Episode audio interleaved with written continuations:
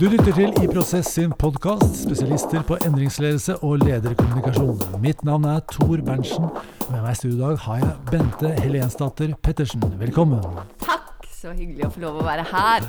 Kan ikke du si litt om den eh, jobben du har i dag, og den arbeidssituasjonen du, du er i? Ja, i dag jobber jeg i If som eh, eh head of HR Partners, som det så fint heter. Det betyr at jeg leder HR-partnerne i If i Norge og Danmark. Okay.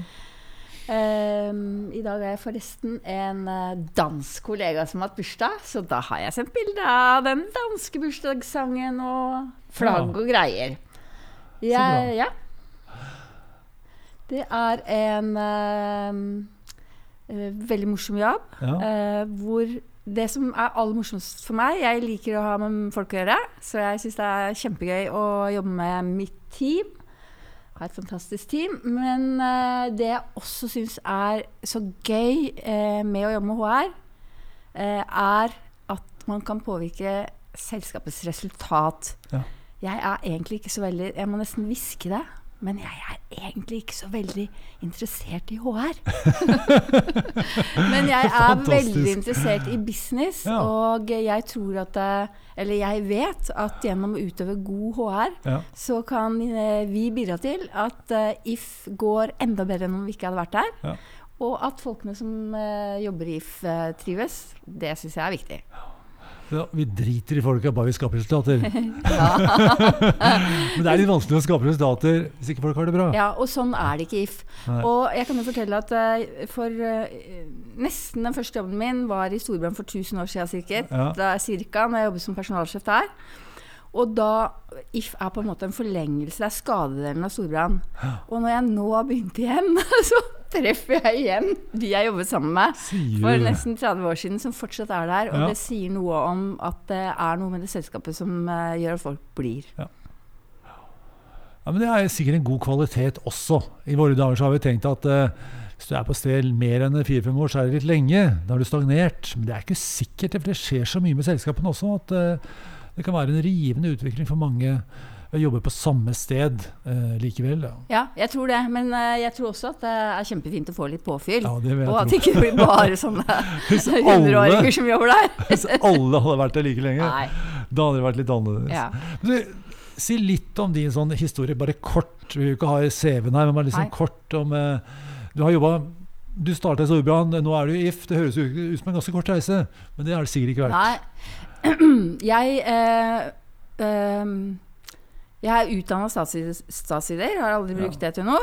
Men uh, jeg begynte litt tilfeldig å jobbe i, i Storbrann. Hadde valget mellom å fortsette som flyvertinne, som jeg hadde gjort mens jeg studerte, og Storbrann. Tenkte jeg, det var hørtes lurt ut med Storbrann.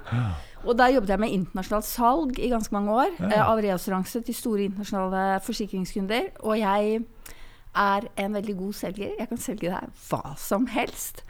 Uh, og så eh, Fordi jeg var alenemor, og vi, det var en fusjonsprosess på, på gang som gjorde at jeg ikke kunne reise så mye som jeg da ville måtte, Ja. så skiftet jeg beite til HR. Jeg hadde en sånn tanke om at eh, HR var omtrent som flyvertinne. Vi gjør det litt koselig for personalet. Men eh, eh, da jobbet jeg i stedet med om, store omstillingsprosesser eh, i mange år de siste årene jeg jobbet i. Storbrann.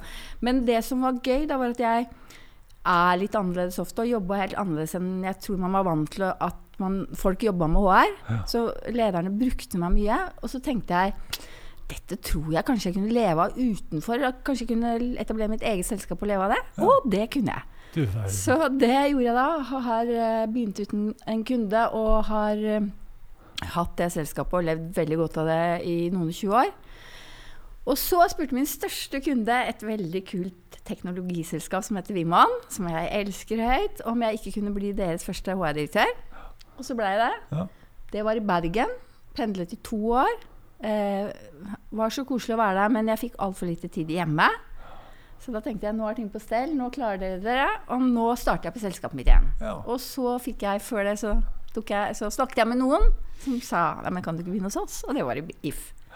Og da tenkte jeg «Ah, ja, kanskje det, da. Kanskje. Der det. er jeg. Flyvertinne pluss statsvitenskap blir HR-direktør. Ja. Og litt konsulent. ja. Ikke selv lite heller, forresten. det 20 år som konsulent er jo en, eh, Da har du erfaring. ganske lenge. Ja. Og jeg eh, har vil du si at det påvirker eh, eh, HR-direktørrollen? Nei, ja, nå er jeg, vet ikke om jeg akkurat er HR-direktør. Jeg er ikke HR-direktøren i Nei. If nå, bare så det er tydelig sagt. Men eh, jeg tror det påvirker ganske mye, fordi at eh, jeg er veldig Jeg tenker sånn med våre interne kunder nå, som er eh, jo da bl.a. lederne i If, at eh, jeg ønsker at vi skal være en så god tjeneste at de er råfornøyd og tenker at det, dette er egentlig bedre enn alt vi kan få kjøpt eksternt. Vi kjenner jo også selskapet bedre. Ja, ja. Eh, Så jeg er veldig Jeg er jo vant til at jeg har ikke en kunde hvis kunden ikke ønsker å betale for meg. Det det jeg. Og, og det er den kundetilfredsheten jeg og mitt team tenker jeg fortsatt skal levere, uavhengig av om vi er ansatt. Ja, for du er vant til å levere tjenester uten noe formell makt og myndighet i det hele tatt. Ja.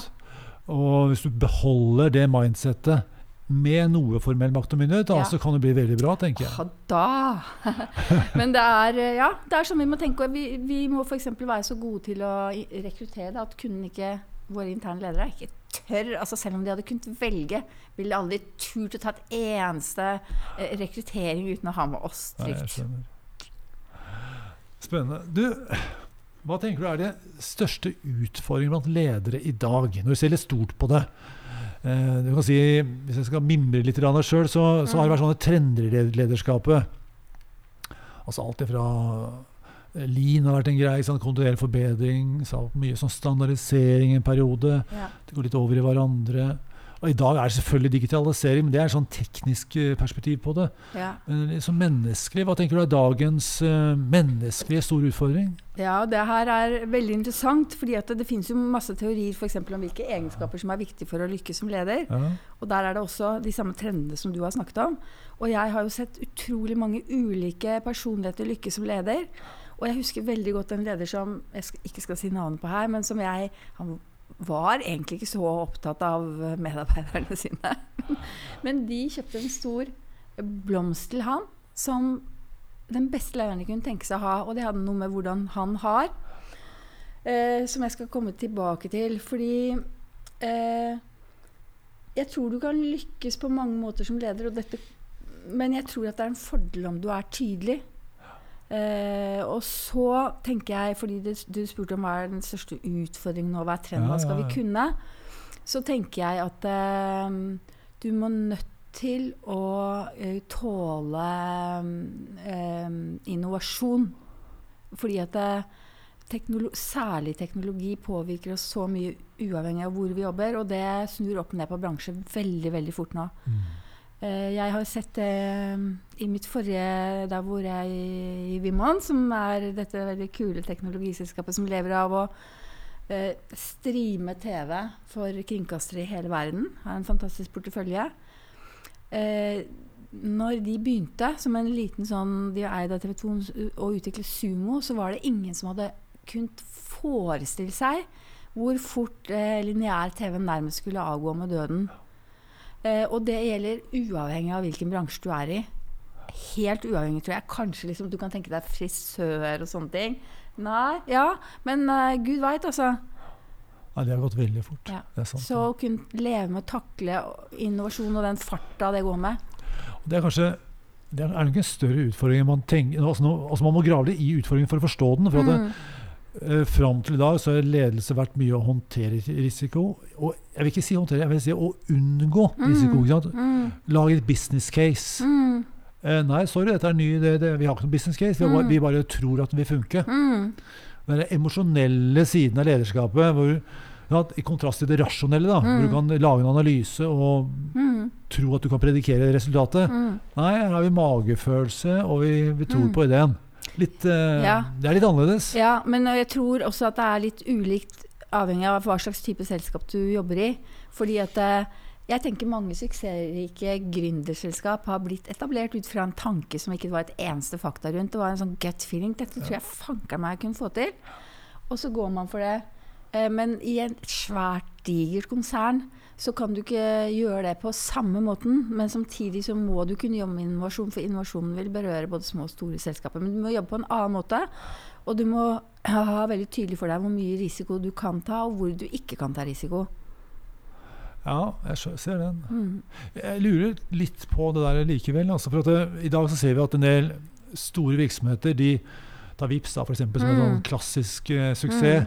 Han er blitt klassisk nå, det er jo ikke gammel. Mm. Men eh, det er jo etablert på utsiden av DNB. Mm. Og det ble startet på utsiden. Mm. Og Jeg aner ikke rasjonalet bak det, men jeg gjetter på at det Mm. har noe med det gamle slagordet 'kultur spiser strategi til frokost'. Mm. At eh, den gode ideen vil bli spist opp av kulturen.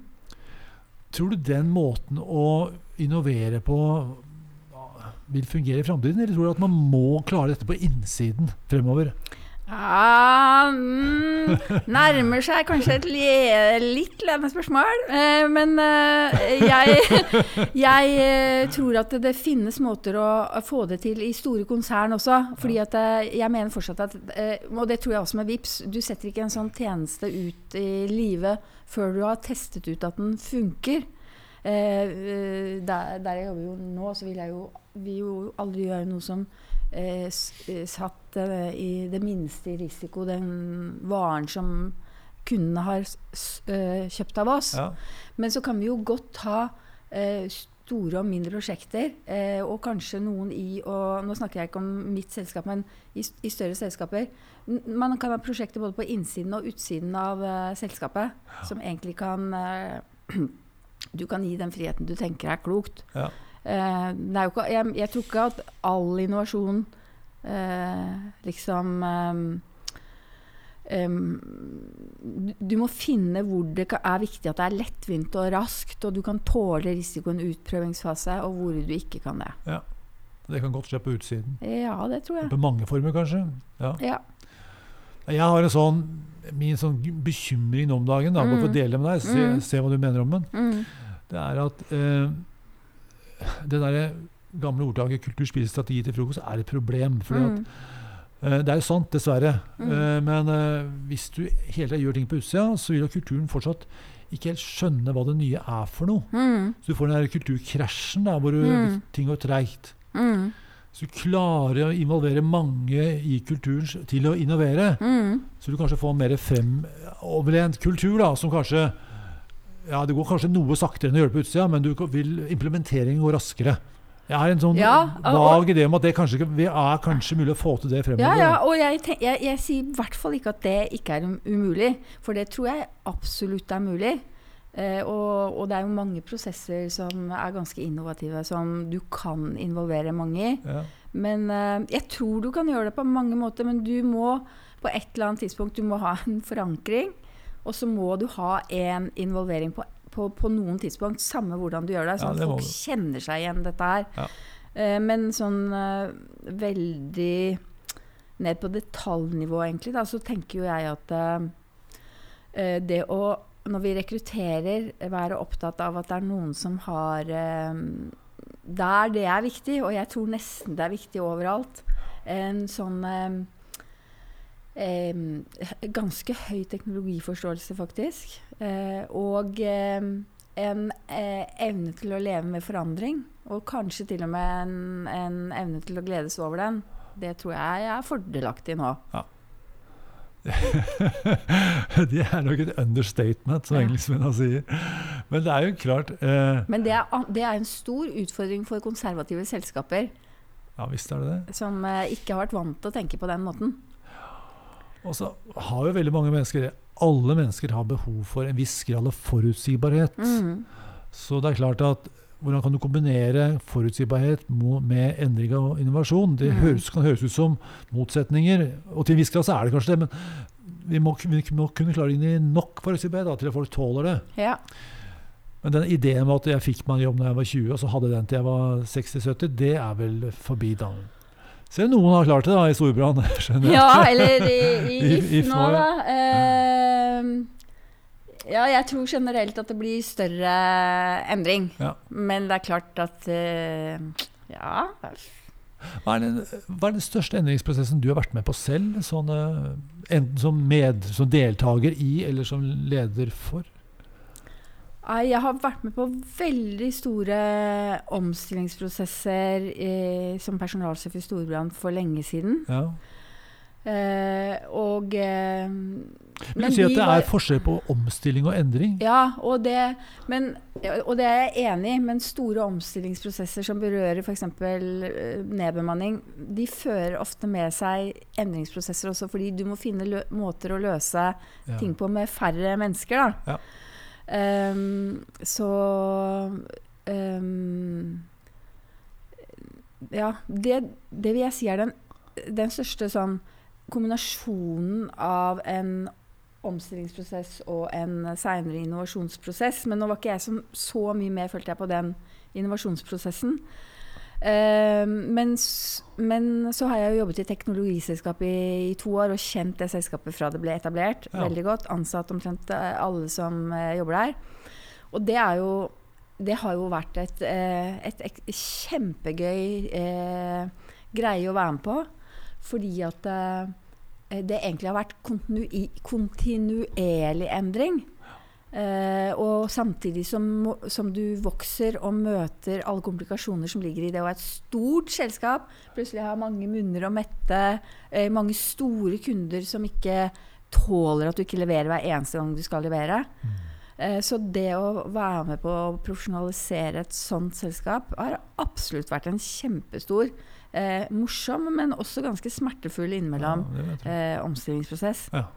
Som har vært eh, veldig knytta opp mot innovasjon. Hva, hva, hva vil du si er det mest krevende i, sånn, i den, den prosessen? Eh, Det er veldig mange strategiske veivalg eh, du skal ta. Du skal finne ut eh, er det det vi holder på med som vi har fått de store kundene våre på, som er det vi skal holde på med. Mm. Eller, eller er det egentlig nesten en annen vei vi skal gå, men hva skal vi da gjøre med de store kundene våre? Ja. Så strategisk veivalg er kjempekrevende.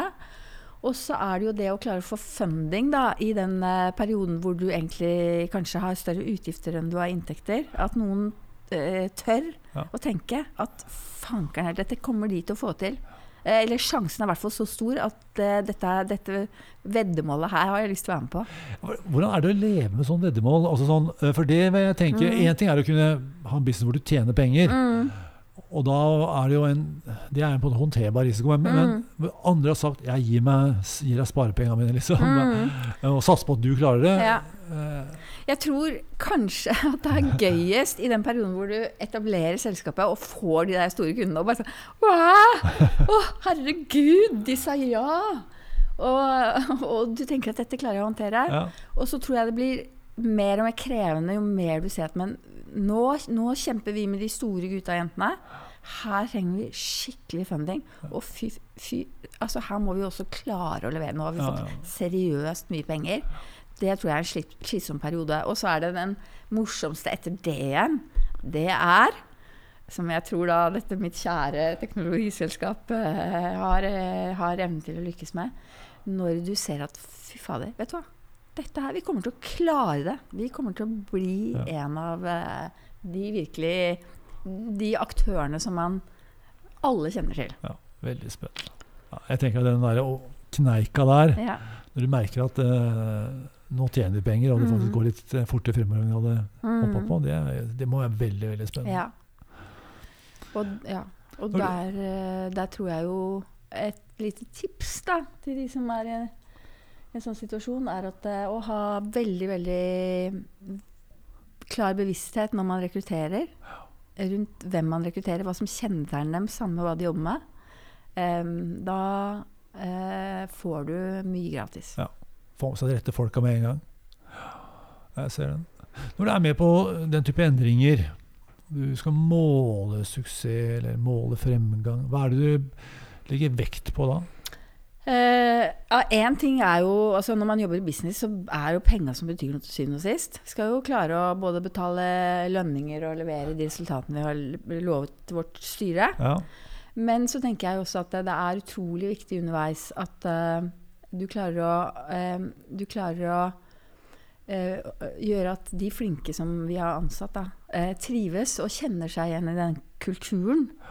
Um, og det er, det er lettere å ha en veldig gøy kultur sånn når du er to-tre stykker som kan leie kule kontorer i byen. Ja. Det er mye mer krevende når du, når du um, skal, skal brødfø en hel haug. Ser den. Ser den. Det er ikke alltid å få med oss alle heller. Da. Altså, har du noen tips til hvordan man skal håndtere motstand? Eller har du bare hatt eh, Ja. motiverte medarbeidere hele tiden? Ja, eh, jeg eh, tror Jeg tror at eh, vi alle har glede av å få til ting. Det er ingen som har noe spesielt stor glede. Du får ikke noe stor positiv energi av å sitte og være som en som bare kritiserer og er negativ. Nei. Det, blir litt sånn, det kan være litt deilig når du gjør det sammen med andre, men det er egentlig ikke så veldig morsomt. Så jeg tror at eh, Jeg tror på jeg å få å f, Gjennom tydelighet, modig diskusjon, tørre å snakke om det som er vanskelig. Mm. Uh, få, få med deg også de som i utgangspunktet er motstandere. For jeg tror at hvis du først klarer å få med deg de altså, Jeg, jeg syns det er bra at vi har motstandere. Ofte så vil de ha tenkt kloke tanker. Og så tenker jeg de kvalitetssikrer eh, våre egne tanker. Um, og hvis vi får med oss de, så er de ofte de, de, de aller viktigste fremsnakkerne. Og så tenker jeg at de som tenker at dette er helt feil vei å gå uh, Nå snakker jeg veldig generelt. Ja, ja, jeg. De tenker jeg man må ha en veldig åpen og fin samtale med. Og høre om kanskje det er tid til å finne på noe annet, rett og slett. Og da skilles som aller beste venner. For hvem vet, som, hvem vet hvem som har rett? Det vil bare tiden vise. Ja, ja. Men hvorfor skal man bli og holde på med noe som man ikke, et kultur man ikke kjenner seg igjen, eller strategi man ikke har tro på? Jeg likte det med modig diskusjon. For jeg, jeg har sånn, sånn slagord for meg sjøl, egentlig, at fantasien er verre enn virkeligheten. Mm. Altså hvis Når folk går og grubler på ting aleine, kanskje baksnakker eller snakker om ting i det Mm. skjulte, så blir det ofte mye verre enn det egentlig er. Mm. Men får man snakket om det og konfrontert folk og får det fram hele tida, eh, ja, så blir den, den fantasien blir mer virkelighetsnær, her, og da er det mindre drama, rett og slett. Altså. Ja, jeg er veldig, veldig enig. Og jeg prøver sammen med teamet oss, mitt, så er jeg veldig opptatt av at vi skal trene oss på å tåle veldig sånn stor åpenhet. At eh, Fordi at det, eh, det er ikke noe farlig om ikke alle lykkes like bra hele tida. For jeg har ingen som jobber for meg som ikke er kjempeflinke. Eh, det er ikke farlig å vise sårbarhet. Eh, det er ikke farlig å være uenig. Men når vi beslutter, da må man forholde seg til det. Men frem til det, altså Ja. Jeg, jeg, og jeg tror veldig på det som er ekte. Ja. Jeg tror at folk flest er ålreit. Og jeg tror at når man er ålreit og opplever at andre er ålreite, så tåler man mye åpenhet. Vil du si at dette krever en slags nærhet og sterke relasjoner? At du må ha, ha en stor grad av det for å få det til? Eller tror du man kan klare det uten det? Eh, Ja og nei. Fordi at jeg har sett de rareste som jeg tenker på ledere lykkes som ledere. Jeg, jeg tenker først og fremst man skal være akkurat den man er. Det er da det blir ekte. Eh, og uh, jeg ser alltid etter sjarm når jeg rekrutterer. Det er, det er et av rekrutteringskriteriene som er nærmest hellig for meg. X-faktor? Ja. Og den kan være alt fra en taus utvikler som er så taus at du har, jeg nesten ikke hører stemmen hans, men som jeg veit at Herregud, han er eller hun er så flink. Dette her, De andre gutta og jentene som jobber, skal jobbe sammen, med ham, de kommer til å rådigge han. Og så veit jeg at hvis du først får han på glid, Ja. så har han mye å fortelle, og da er det gøy å høre på han. Eh, det er en skjerm, og så kan du ha den mer sånn typiske skjermen. Men um, ja, hva skulle jeg fram til med dette her? Eh, jeg tror at jo, at uh, man, kan jobbe, ja, man kan lykkes veldig ulikt gjennom å være leder. Jeg, jeg tror at det er et poeng å være tydelig. Jeg tror på å være ekte. Um, ja. Ja, men det er jo det er godt å høre deg si det, for at eh, man har liksom mange sånne undersøkelser kommer typiske trekk blant ledere, og du skal være sånn og sånn og sånn. ikke sant? Mm. Men eh, hvis du tenker på relasjoner i privatlivet, da, Mm. som jo er basisen for Mm. alt ikke sant? Det som funker der, funker jo resten av verden òg. Mm. Eh, så liker jo litt Altså, det jeg ikke er så glad i ved meg sjøl, Mm. syns ofte kona mi er det fineste. Mm. Og så motsatt. ikke sant? Mm. Det vi syns det som er litt utafor A4. da. Sånn at eh, det Du har kanskje poeng der. Det som er litt sånn spesielt eh, Ja, og i hvert fall at man er seg sjøl. Men som sagt så tror jeg at um, en viss forutsigbarhet, da tror jeg folk setter pris på. En Ja. viss tydelighet. Det tror jeg du har helt rett i. Mm. At hvis du ikke er en veldig sånn fantastisk relasjonsbygger, så kan Mm. du være en altså, Skape trygghet da, ved ved å være tydelig forutsigbar. Mm. Så skaper du trygghet, for folk, folk som ikke slapper av, de gjør mye rart. Men folk som er trygge og slapper av, Mm. da kan denne sjarmerende faktoren komme frem, og vi, vi er mye rausere med hverandre. Mm. Men går vi og binder og fantasien spinner, da blir det gærent. Jeg jobbet en gang sammen med en eh, fantastisk leder som senere også ble venn. Han eh, bor i Estland og heter Mart Kikas. Vi pleier å kalle han Kickass. uh, og jeg var en gang ute og reiste med han hvor vi skulle si opp en del medarbeidere. Hvor halvparten skulle forbli, og halvparten Og det er jo sånn som man, mange vil grue seg til. Det er i hvert fall ikke noe jeg gleder meg til. Men han, han er noe av det tydeligste mennesket jeg har vært borti. Ja. Han gjorde på en måte ikke noe nummer ut av det. Han bare sa at jeg, vi må redusere, så halvparten må dessverre gå. Nå skal vi gi dere beskjed om hvem det blir. Det var på en måte det. Nå er jeg ikke sikker på om du kunne gjort det akkurat samme, på, på samme måten i Norge. Men jeg tror han, eh, han ga alle en følelse av at her er det ikke noe personlig rundt hvem som ikke får bli, og var så veldig saklig. Og jeg er helt sikker på at alle ville gi en klem på gata hvis de traff ham. Det handler så veldig mye om den historien som ligger foran budskapet. Mm. ikke sant? Så han er kjent som en fyr som Mm. har oversikt, som er ok, Mm. og bryr seg om Mm. passer om folk, iallfall. Er ikke noen favoriseringer. Eh? Så er det greit. Ja. Eh, Så vil jeg også si jeg jobber sammen med en fantastisk personaldirektør i Storbrann, Charles Jensen. Hei, Charles. Han, eh, han er også tydelig, men han er en sånn ekstremt varm person. Som mer sånn at det syns utapå, da.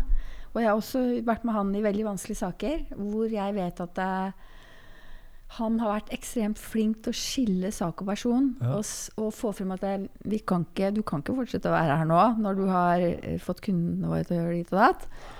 Men eh, du som person er jo en så flott kar. Ja. Ta nå vare på deg sjøl. Ja. det er flott. Som leder selv, hva er det vanskeligste du eh, synes i lederrollen? Sånn rent personlig. Du kan ikke legge alle korta på bordet, men Eh, jeg tror jeg tror jeg, jeg tror at noe av det vanskeligste for meg er at jeg må prøve å beherske alt, alt jeg vil. For jeg vil så veldig mye på så kort tid. Og det betyr at jeg setter i gang med mye på kort tid. Ja. Og så veit jeg at jeg kan få det til òg, og det involverer jo alle de som må jobbe for meg. Eh, så jeg tror at eh, jeg kan utmatte mine flinke medarbeidere hvis jeg ikke klarer å styre det der. Og det, det er ikke lett. ja, jeg skjønner det.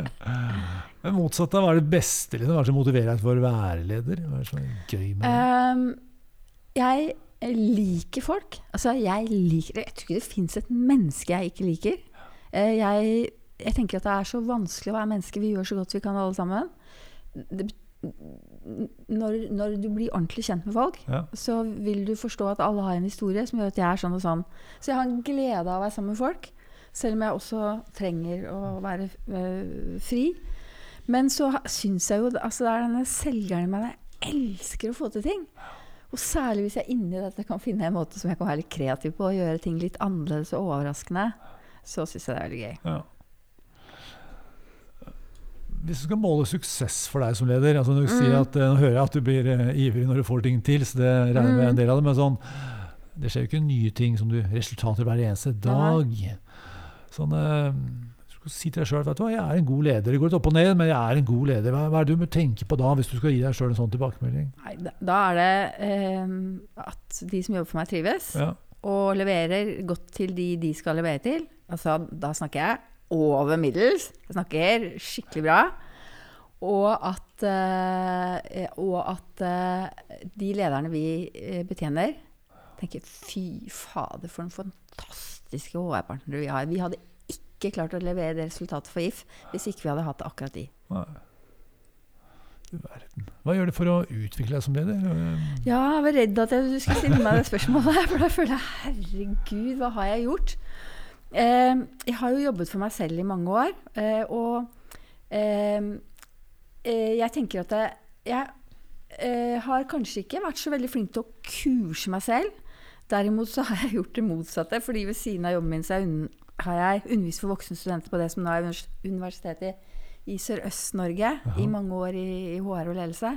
Så da har jo jeg måttet lære Jeg måtte lese, i hvert fall sånn at jeg ligger litt foran mine elever.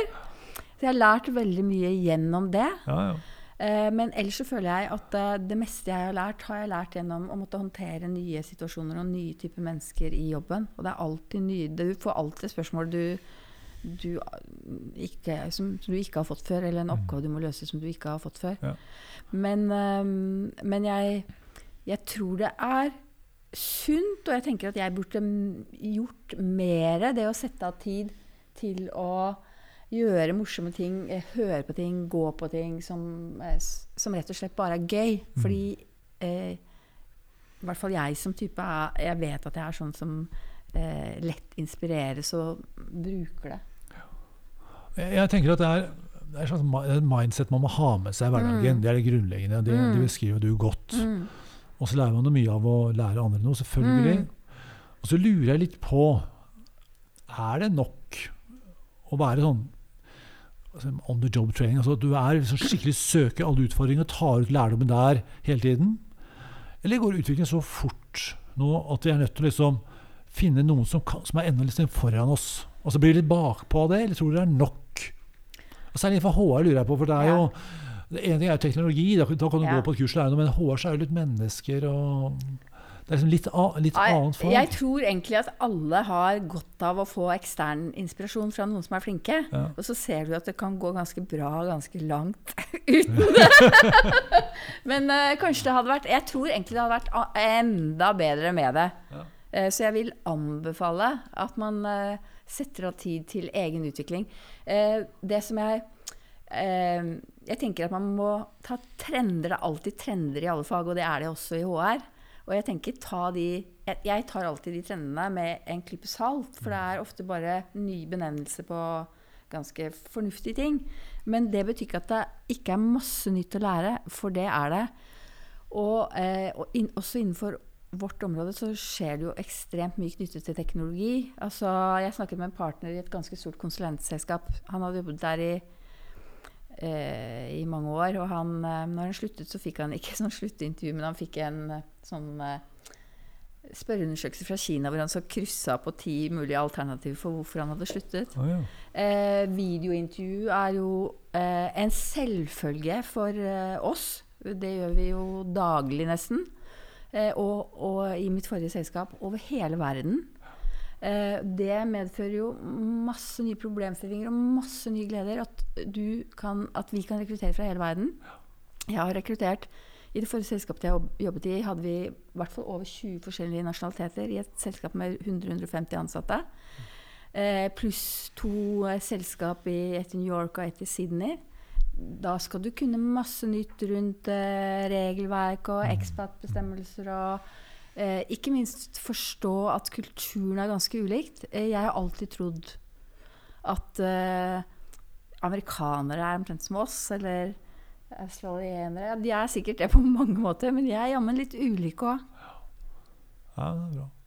Du, privat. Er, det, er du nøye med å skille liksom jobb og privatliv? Eh, Jeg har vært veldig nøye når jeg jobbet med mitt eget selskap eh, i over 20 år, fordi at jeg så en stor fare for at jeg kunne komme til å jobbe meg her hvis jeg ikke var det. Ja.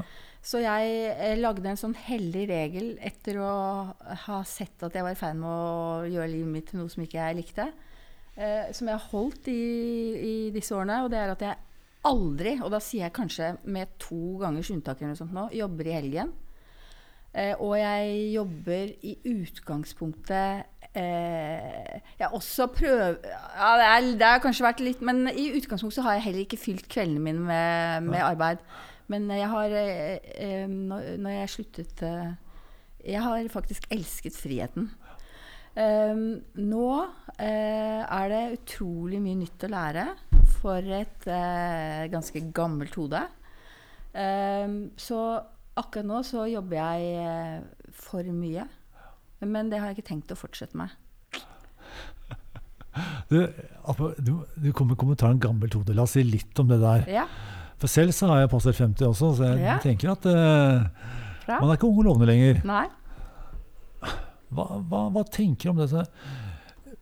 arbeidskapasitet og alder og liksom eh, altså, Faren min pensjonerte seg han 62. Mm. Det kommer ikke jeg til å gjøre. det. Mm. Jeg ser ikke, slik jeg ser i dag, jeg er ikke i nærheten av å tenke på det engang. Mm. Eh, Har du noen, eh, du ligger litt foran meg i løypa. Hva, hva tenker du om dette? Nei, jeg vet ikke. Jeg tenker at jeg opplever at jeg syns det er vanskeligere å lære å huske mye når jeg skal lære å huske mye på en gang. Opplever jeg som vanskeligere, faktisk. Jeg hater å si det, men Ja. jeg syns det er sånn. Eh, Så håper jeg at jeg kanskje mer enn kompenserer, da, fordi at jeg er jo trygg på mange ting. Og er situasjoner som jeg ville vært helt hysterisk for som eh, 25-åring, eh, har jeg eh, får ikke opp pulsen min nå. For jeg veit at det, det finner jeg en løsning på. Ja. Jeg tror egentlig eh, jeg har en trygghet for at bortsett fra død og alvorlig sykdom, så fins det en løsning på alt. Det er min erfaring. Jeg tenker at Den innsikten og erfaringen der, kanskje Mm. evne å håndtere situasjonene, Mm. det er jo en slags gullgruve, det også. Mm. Uh, som jeg, tror, jeg tror vi må ta med oss den Mm. i arbeidslivet. Det kan jo ikke være slik at hvis du har passert eh, 50 eller noe sånt, så er du eh, passé, liksom. Kanskje noen er det i noen bransjer, men Nei. generelt sett så blir det gærent. Eh, I mitt hode, da. Ja, absolutt. Og jeg um, har jo en, um, en Insta-konto som handler akkurat om det, som heter Killer60. Eh, som, fordi at jeg ser at spesielt for kvinner, så er det Men også for menn, så er du på topp i ditt arbeidsliv når du er kanskje rundt 50. Du sitter ofte i en lederrolle, har bra lønn og alt det der sånn. Og hvis du av en eller annen grunn detter utenfor, la oss si at bedriften din går konkurs, eller så ser jeg at det er veldig vanskelig å komme inn igjen. Eh, hvis du sender en søknad, tror jeg ikke du blir vurdert engang. Eh, og du er veldig eh, avhengig av eh, nettverket ditt. Og jeg, jeg syns det er Nå er det litt dumt å referere til USA-presidenter akkurat i øyeblikket. Eh, men som i USA så har det jo ofte vært at du er, når du er rundt 70, så er det liksom da du er eh, i posisjon for å bli president. Mens her avskriver vi ekstremt verdifull kompetanse. Ja. Eh, og det gjør vi i en demografisk situasjon hvor det er helt opplagt at det kommer til å bli en kjempeutfordring å få tak på arbeidskraft, med mindre vi automatiserer så mye at den, det behovet blir eh, radikalt eh, dempet. Da. Så um, jeg, eh, jeg må jo bare gi kudos uh, til If. Ikke bare for å ha gitt meg jobben, men for faktisk å ha headhunta meg i en alder av Jeg syns det, 61. jeg syns det er litt stilig. Det er det jeg syns, Ja, rett og slett. Det er altså. skikkelig stilig. Det er det, altså. Og eh, vi sier, altså vårt mantra i forhold til rekruttering er at vi tar den beste. Ja, det er sånn det skal være. Mm. Og da er det av og til noen på 61. Sånn er det. Du, Vikingene de mente at et godt ettermæle var det viktigste av alt. Man skal utføre minneverdige bedrifter i løpet av karrieren. Og hvilke minneverdige bedrifter eller ettermæle har du som håp, eller ønsker eller planer for at skal eh, følge av ditt lederskap? Um, ja, hvis jeg skulle si det sånn rett fra levra, og som jeg tenker kanskje jeg er sånn jeg oppleves, så kanskje noe sånt som at det, var et helvetes mas eh, innimellom. Men fy søren så moro vi hadde, og hva vi fikk til. Og eh, Bente er varm og ehm, eh, er opptatt av resultater, og det var en gøy kombinasjon. Da sier jeg tusen takk for samtalen. Så takk for